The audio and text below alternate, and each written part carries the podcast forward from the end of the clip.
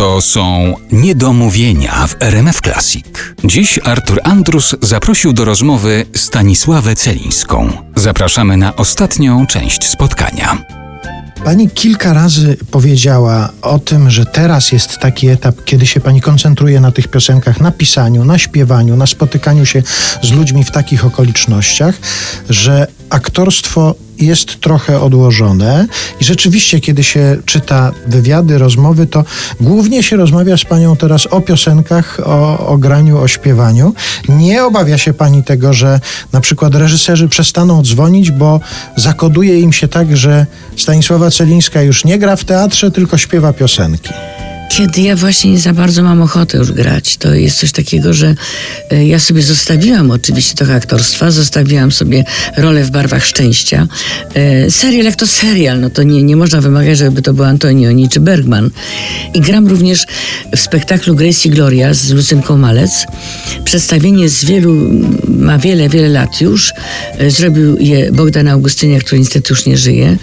Też podczas tego przedstawienia padają e, bardzo ciekawe, mądre rady i e, buzie ludzi po e, przedstawieniu są podobne jak te buzie po Malinowej czy po Atramentowej. Właśnie o to mi chodzi, żeby w tym oszalałym świecie, gdzie teatr bardzo często dołuje, czy sztuka dołuje, żeby jednak nieść nadzieję, im więcej tej nadziei dobra, zła jest tyle, że to dobro trzeba jednak ciągle powiększać, żeby, żeby zmniejszać zło ale jeżeli teraz nas e, słucha jakiś reżyser, może dzwonić. To nie jest tak, że pani nie odbiera telefonów od reżyserów teatralnych, filmowych, e, telewizyjnych. Oczywiście odbieram. Jeżeli byłoby coś naprawdę interesującego, to oczywiście, że tak. Ale bardzo często zdarza się, że na przykład dzwonił do mnie reżyser, mówi Pani Stanisławo, jakiś czas temu, zagra Pani babcię. Ja mówię, no dobrze, a normalna ta babcia? Ależ oczywiście, że tak. Po czym czytam, a ona tak ma cukrzycę, ale pije, pali. jakieś jeszcze zastrzyki bierze na te cukrzycy. No po prostu najnormalniejsza babcia na świecie. No więc takich tematów nie chcę po prostu w siebie brać, bo ja wzięłam bardzo dużo takich tematów w Teatrze u Warlikowskiego i to był taki etap 17-letni e, z przerwą maleńką, jak byłam w teatrze współczesnym, ale cały czas utrzymywałam kontakt z tym teatrem, gdzie oczywiście to też e, jest rodzaj terapii, że ktoś pokazuje zło, i wtedy ten na widowni mówi: O, jak to dobrze, że ja taki zły nie jestem. Ale to zło ja pokazuję, ja biorę w siebie. I nie ma siły, żeby to się gdzieś nie odkładało w psychice.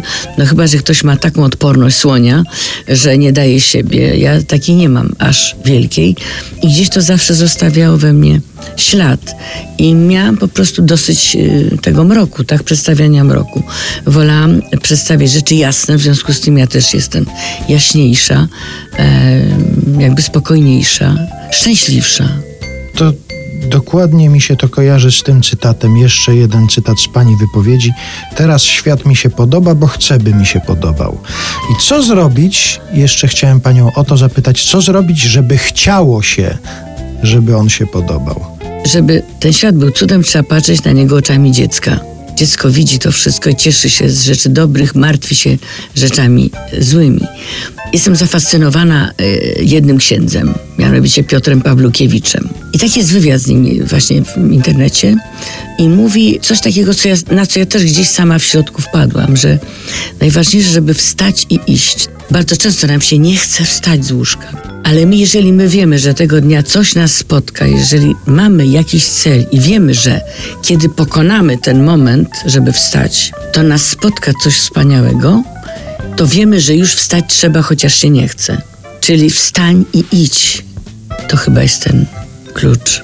No i patrz oczami dziecka. Dzisiaj Państwo usłyszeli, jak patrzy Stasiuńka właściwie. bardzo dziękuję. Stanisława Celińska była naszym gościem. Dziękuję bardzo.